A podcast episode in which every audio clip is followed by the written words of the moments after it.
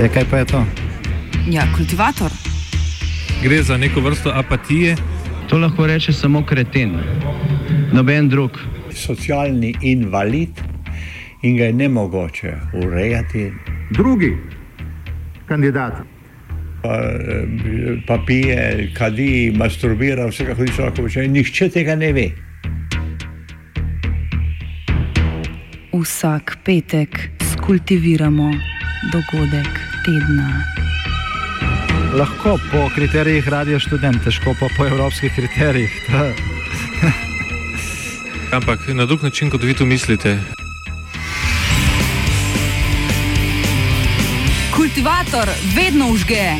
Da pač nekdo sploh omenja probleme, ki so, in da pravzaprav sploh nekdo sproži dogajanje uh, v družbi. To drži, drži. Kriza strahu pred drugim.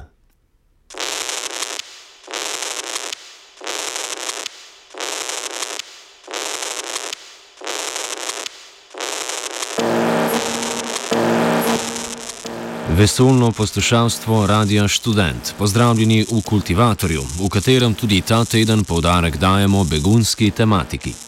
Kot veste, v Ljubljani potekata skoraj istočasno dva dogodka, ki sta tako ali drugače povezana s primovanjem migrantov na evropski kontinent. Prav tako pa odražata tudi stanje evropskega duha in vse globljo polarizacijo evropske družbe.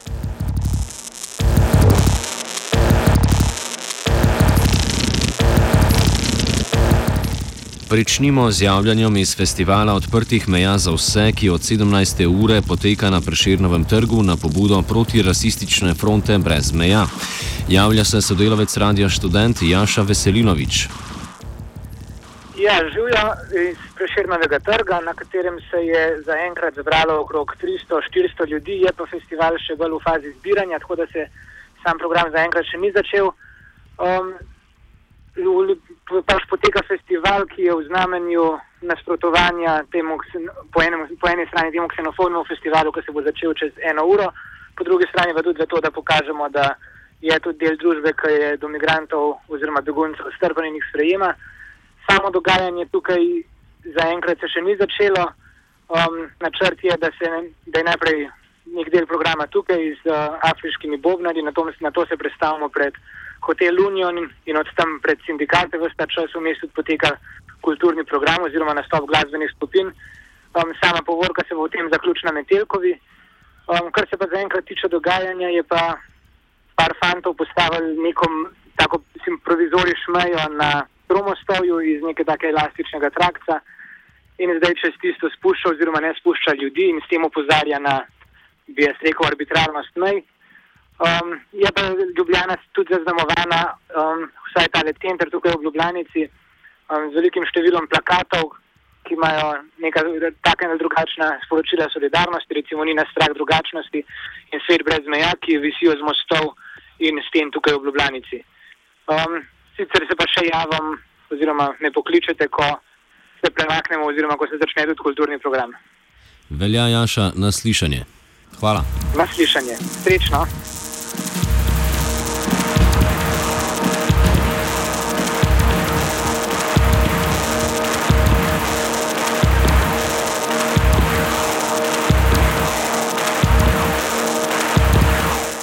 O samem dogajanju v prestolnici več v nadaljevanju, ko se nam bodo iz terena še javljali naši sodelavci.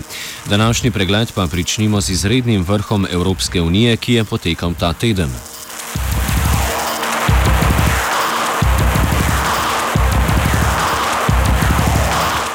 Vsa smetana evropske politike je pljunila v roke in se glede vprašanja begunske krize sestala v Bruslju.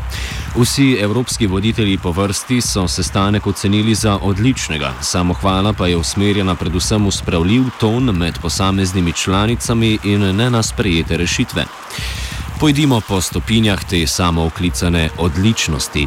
Uvideti se da predvsem to, da se tudi na ravni visoke evropske politike zavedajo, da se begunski val ne bo umiril.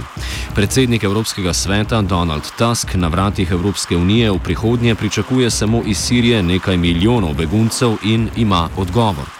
Treba je popraviti politiko odprtih okn in vrat, spoprijemanje z begunsko krizo pa prenesti na države v soseščini Evropske unije, navajamo. Osredotočiti se je treba na ustrezno zaščito zunanje meje in pomoč beguncem in državam v naši soseščini. Z drugimi besedami, potrebno bo zatesniti vse špranje, preko katerih je zavel migranski prepih.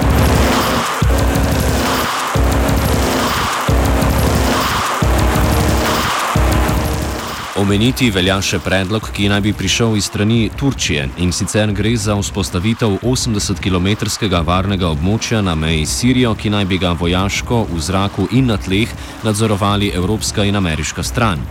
Unija je do tega predloga zadržana, je pa pozvala Rusijo in Združene države Amerike k konkretnejšemu angažmaju pri vzpostavitvi miru v Siriji in drugih vojnih žariščih. Stališča turškega premijeja Ahmeta Davotoluja je na sredinem srečanju prenesel bolgarski premijer Bojko Borisov, ki je od turškega kolega sprejel pismo, ki ga k temu nagovarja in obenem svari, da bo v primeru, da mednarodna skupnost ne ukrepa, Evropa prek Turčije doseglo vsaj 7 milijonov sircev. Borisov se je sicer doma soočal z napadi političnih strank vseh barov, potem ko ga je Merklova na tiskovni konferenci pohvalila, saj da je izkazal interes za vzpostavitev tako imenovanega hotspot centra v Bolgariji. Hotspot centri, zbirna središča za popisovanje in prerasporeditev beguncev, naj bi se po Borisovem zanikanju tako vzpostavili le v Grčiji in Italiji.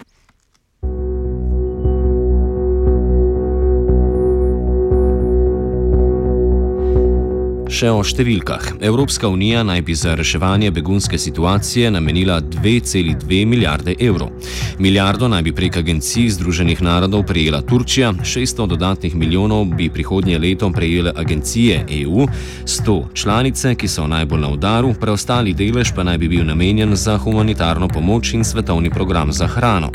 Članicam naj bi bilo rečeno, da zberejo ustrezajoči znesek.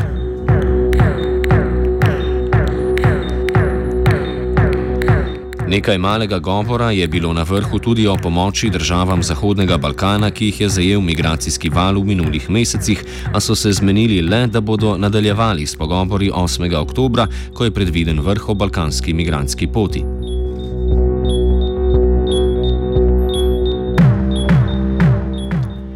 Najbolj zadovoljen pa je iz Bruslja, sodeč po izjavah, prišel predsednik vlade Miro Cerar, ki je bil deležen številnih pohval za odziv Slovenije.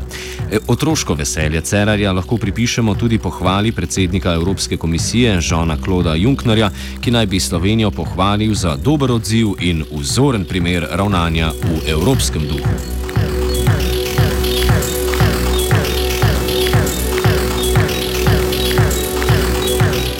Vzdušje med vodji na mesto Orbana še najbolj kvari slovaški premijer Robert Fico, oziroma Fico, ki ni požrl torkovega preglasovanja na svetu ministrov glede tako imenovanih begunskih kvot. Slovaška vlada je sprejela odločitev o tožbi in ustraja, da zadanih nalog ne bo izvajala pod prisilo. O izidu tožbe pred Evropskim sodiščem v Luksemburgu spregovori strokovnjakinja za mednarodno pravo Janja Hojnik.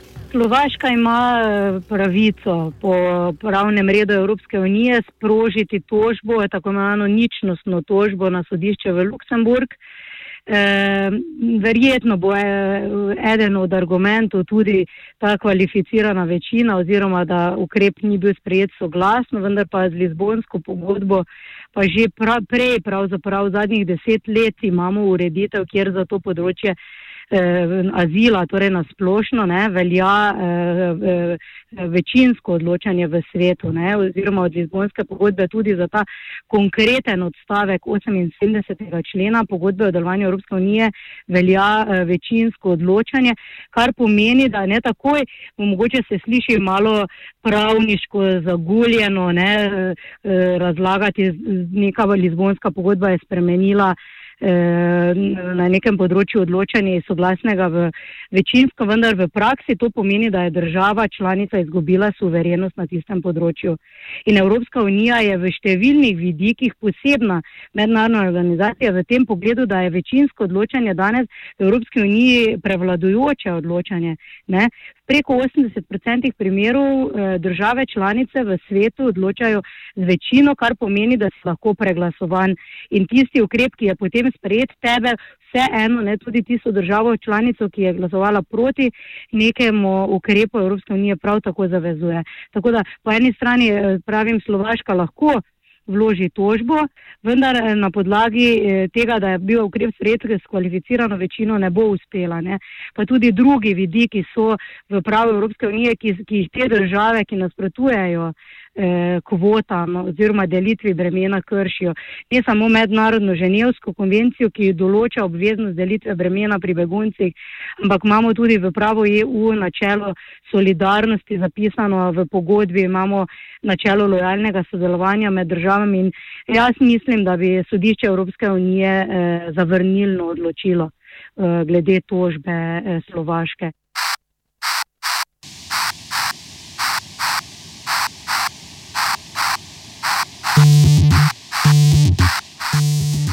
Za pojasnila, ali članice Evropske unije v odzivu na prihod beguncev ravnajo v okviru mednarodnih konvencij, smo se obrnili na Visoki komisarjat Združenih narodov za begunce, krajše UNHCR. Predstavnica izpostave v Budimpešti, Carolyn Van Buren, ki pokriva srednjo Evropo, ni seznanjena z namero o krpanju trdnjave na zunanjih mejah in zato tega ukrepa ni želela komentirati. Izognila se je tudi komentiranju razlikovanja med begunci, naprimer Sircem in Iračanom ali Afganistancem, čež da se zadnja dva lahko preselita znotraj države, saj da o tem ni sigurna.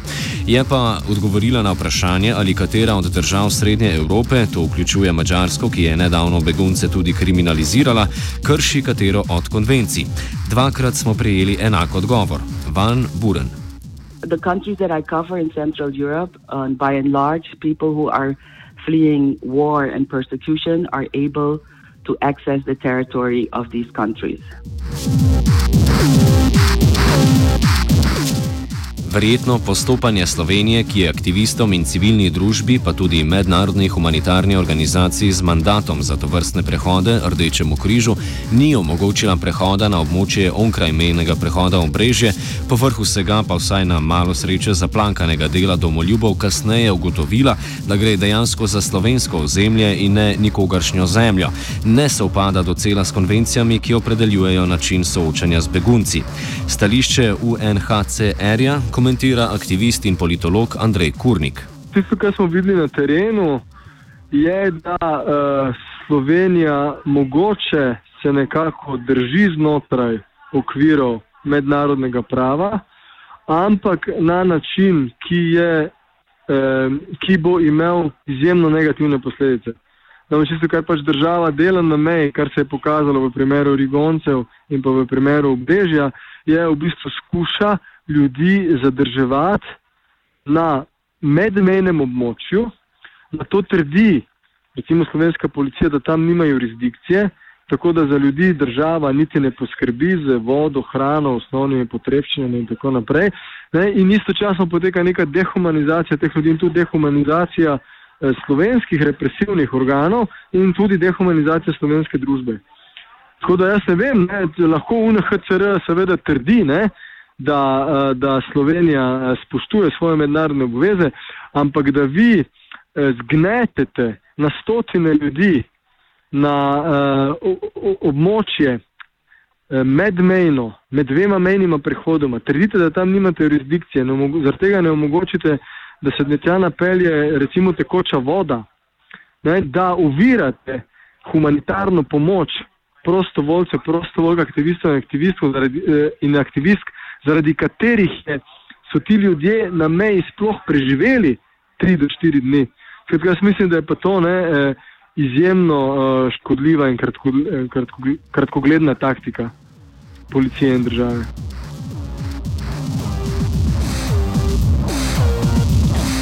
Kurnik dodaja, da če ne drugega, je pozitiven vidik trenutnega stanja ugotovitev, da je trdnjava Evropa prebita in da so opuščeni uveljavljeni mehanizmi za postopanje z begunci.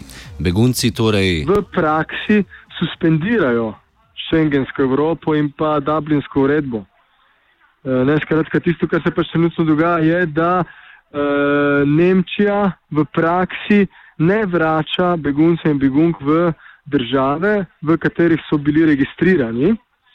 In prav tako uh, po naših podatkih registracija na ozemlju ne pomeni, da gredo podatki o beguncih in begunkah v tisto bazo, ki omogoča potem deportiranje eh, teh ljudi, množične deportacije iz ciljnih držav v države oziroma države, v, eh, skozi katere so stopili v Evropsko unijo.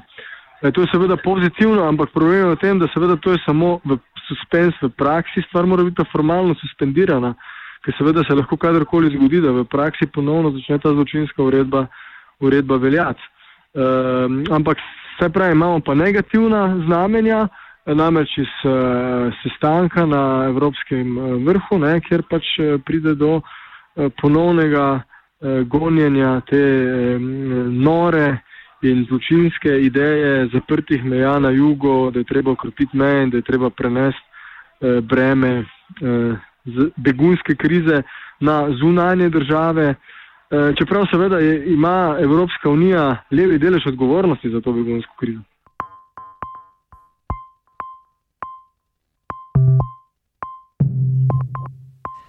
Preden pa preidemo na javljanje iz drugega shoda Slovenija zavaruj meje, se dotaknimo vabila, ki ga je pred shodom na socialnem omrežju objavila radikalna Slo Ljubljana. Pardon, radikalna Ljubljana.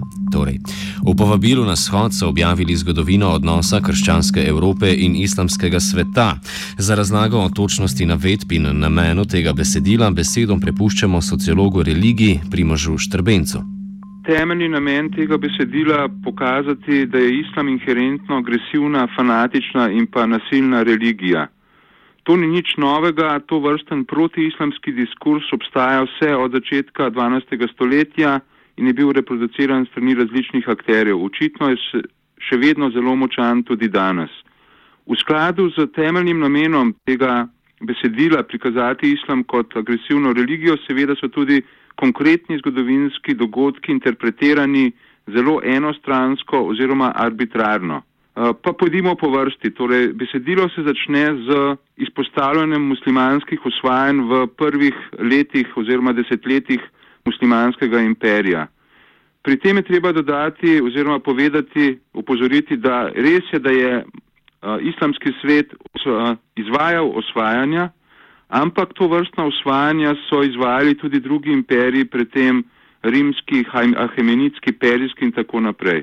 Tisto, kar pa besedilo zamolči, je to, da islam proti pripadnikom drugih religij ni nastopal z ognjem in mečem oziroma ni bil netoleranten, ni jih želel nasilno spreobrniti v lastno vero. Nasprotno, islam je v skladu z konceptom ljudstva v knjige judom in kristjanom dopustil, da so v veliki meri še naprej izvajali svojo religijo oziroma imeli neko avtonomijo.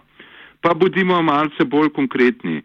Besedilo govori o zauzetju Sirije uh, leta 636 po bitki pri dolini reke Jarmuk. Pri tem seveda se zamolči to, da je v bistvu muslimanski svet nekatere krščanske skupine, kot so nestorijanci in monofiziti, ki jih je Bizanc zaradi njihove domnevne nepravovernosti prej preganjal, torej da jih je islam pravzaprav osvobodil, da so lahko razvili naprimer svoje intelektualne potencijale. Potem besedilo govori o osvojitvi muslimanski Jeruzalema februarja 638. Seveda, da te je do te osvojitve zares prišlo, besedilo pa zamovči, da je ravno muslimanska osvojitev Jeruzalema 638 dokaz strpnosti islama, kajti tedajni usvojalec Kalif Omar ni nastopil nasilno proti kristjanom, ampak je nasprotno, komu je patriarh mesta Jeruzalem Sofronius ponudil, da naj opravi muslimansko molitev kar v cerkvi Božjega groba, dejal, ne, te molitve ne bom opravil tukaj, kajti če bi jo bi moji zvesti privrženci lahko poskušali tukaj zgraditi mošejo. Očel je ven in tako pustil torej cerkev Božjega groba nedotaknjeno. Besedilo govori o Španiji. Islam je res nadzoroval Španijo med leti 710 in pa 1609, vendar pa je v tem času vzpostavil na Pirinejskem polotoku neko multikulturno, zelo strpno družbo, v kateri so sodelovali ljudje, kristijani in pa muslimani. Nasprotno pa je krščanski svet, ko je izvajal rekonkisto, ponovno usvojitev Španije, pokazal veliko nasilnih elementov. Med leti 1492, ko je padla Granada in 1609, ko je Filip III. izvedel veliki zadnji izgon muslimanskega življa iz Pirinejskega polotoka, je bilo pobitih ali izgnanih 3 milijone muslimanov. Drugo, kar je treba zelo povdariti, je to, da besedilo, torej, ki so ga napisale te desne skupine, križarske vojne postavlja povsem na glavo. Križarske vojne opredeljuje kot, kot nek legitimen odgovor na muslimansko ropanje, posilje, ubijanje in pa ustrahovanje, kar seveda ne drži, ni v skladu z dejstvi, ki sem jih ravno kar omenil. Seveda se pa zamovči, da, ravno, da je ravno prva križarska vojna, uh, predvsem za usvojitvijo Jeruzalema 15. julija 1099, ko so križari v treh dneh poklali 30 tisoč muslimanov in judov, bila tista začetna točka, ki je vzbudila veliko nezaupanja muslimanov do krščanskega zahoda. In da vse od takrat muslimanski svet torej pozna to agresivno naravo križarjev, naj samo omenim, da križari, križari so med drugim uh, prakticirali tudi kanibalizem leta 1098 v serskem mestu Mara. Torej, muslimanski svet vedno znova govori o agresivni križarski naravi Zahoda. Naprej besedilo omenja drugo razbitje drugega osmanskega obleganja Dunaja 1683 in pri tem povdari, da so takrat krščanski vojskovodje uh, torej udrinili od Dunaja neko, neko muslimansko kulturo, ki naj bi uničevala našo evropsko kulturo. Tukaj se spet uh, torej se odseva neko nepoznavanje, namreč ni dodano oziroma seveda ni umenjeno, da je bil ravno islam tisti, ki je za zahodno Evropo ohranil klasično grško dediščino, jo še močno nadgradil, potem pa preko prevodov v latinščino v 12. stoletju poskrbel za to, da je klasična grška misel v Evropi v 12. stoletju zopet začela se oživljati. Torej, to je bilo 200 let pred renesanso. Štrbenc v nadaljevanju izpostavi še, da so avtori tega zapisa zgodovinskega vidika povsem zamolčali zadnje polpreteklo obdobje nič ni o tem, kaj se je dogajalo v času kolonializma, ko je evropski svet oziroma evropske velike sile v 19. stoletju fizično zasedal muslimanski svet.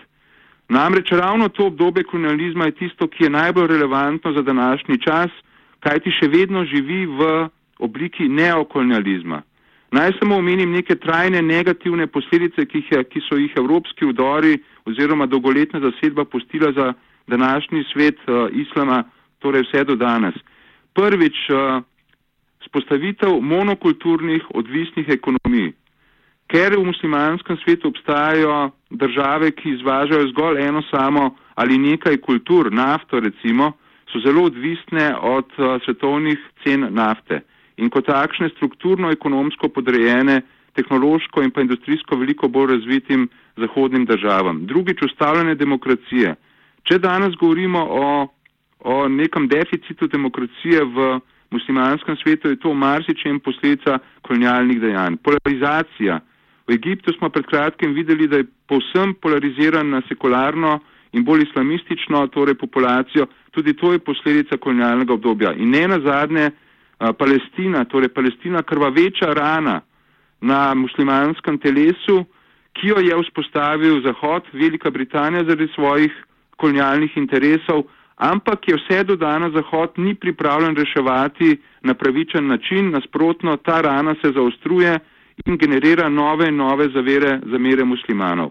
Končno pa naj omenim, da to besedilo torej ničesar ne pove o posem, posem nedavni zgodovini, ne govori o tem, da je obstoječi val beguncev sprožilo ravno zahodno vojaško posredovanje v muslimanskih deželah, najprej v Afganistanu, kjer ZDA nikoli niso imeli namena za res razviti te države, so pa povzročile državljansko vojno med paštuni na eni strani in pa manjšinskimi etničnimi skupinami na drugi strani.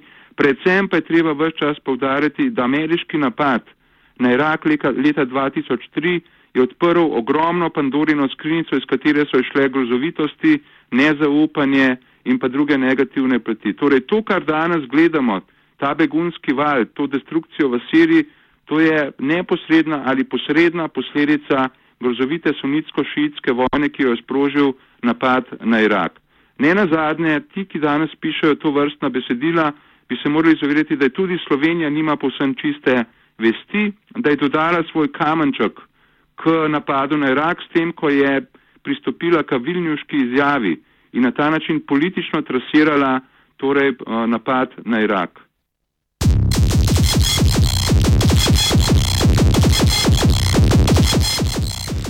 K akciji. Kaj, če sploh se odvija na sovražnem shodu? Jernika Luža. Ja, lep pozdrav, uh, dragi poslušalci in poslušalke. Um, pravzaprav uh, ni nekih uh, velikih novic. Mi smo se zdaj pravkar sprehodili iz uh, Rožne doline proti Prešircu, se pravi, šli smo čez uh, trg Republike. Na trgu Republike je bil napovedan shod uh, Slovenija zavaruj meje, ki se sicer začne šele ob šestih in uh, tam zdaj ni bilo še nikogar. Uh, na uh, kongresnem trgu je veliko ljudi, um, pač zdaj težko je soditi, na kjer shod spadajo, ker je vsaka taka sodba bazirana na nekih stereotipih na ravni videza, ampak um, hoče reči definitivno, no, se pa čuti neko tako rahlo napeto ozračje, uh, tudi zelo velike policajev, ki se ful drugače obnašajo, kot se ponovadi na protestih obnašajo, se pravi, policaji ne morejo tvoriti samo neke ravne linije, kot recimo, da bi mogli braniti parlament, ampak morajo biti nekako pomešani med ljudmi, ker je, ker je tak nek vrvež in uh, se, se skupine uh, uh, ljudi premikajo in uh, dose komunikacije in tako naprej. Drugač pa shod uh, zavarujemo meje, je pa jih pravkar uh, štartov z preširnovega trga proti Miklošičevem. Tako da toliko za enkrat nekih večjih novic ni in se pa slišmo seveda poslušalci tudi v nadaljevanju večera, kako potekajo stvari. Hvala, Jrnej, eh, za te informacije.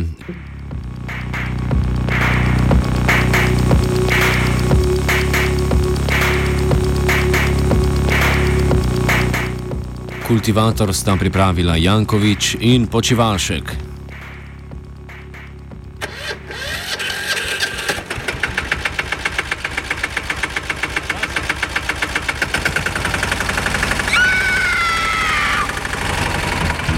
E, kaj pa je to? Ja, kultivator. Gre za neko vrsto apatije. To lahko reče samo kreten, noben drug. Socialni invalid in ga je ne mogoče urejati. Drugi kandidat.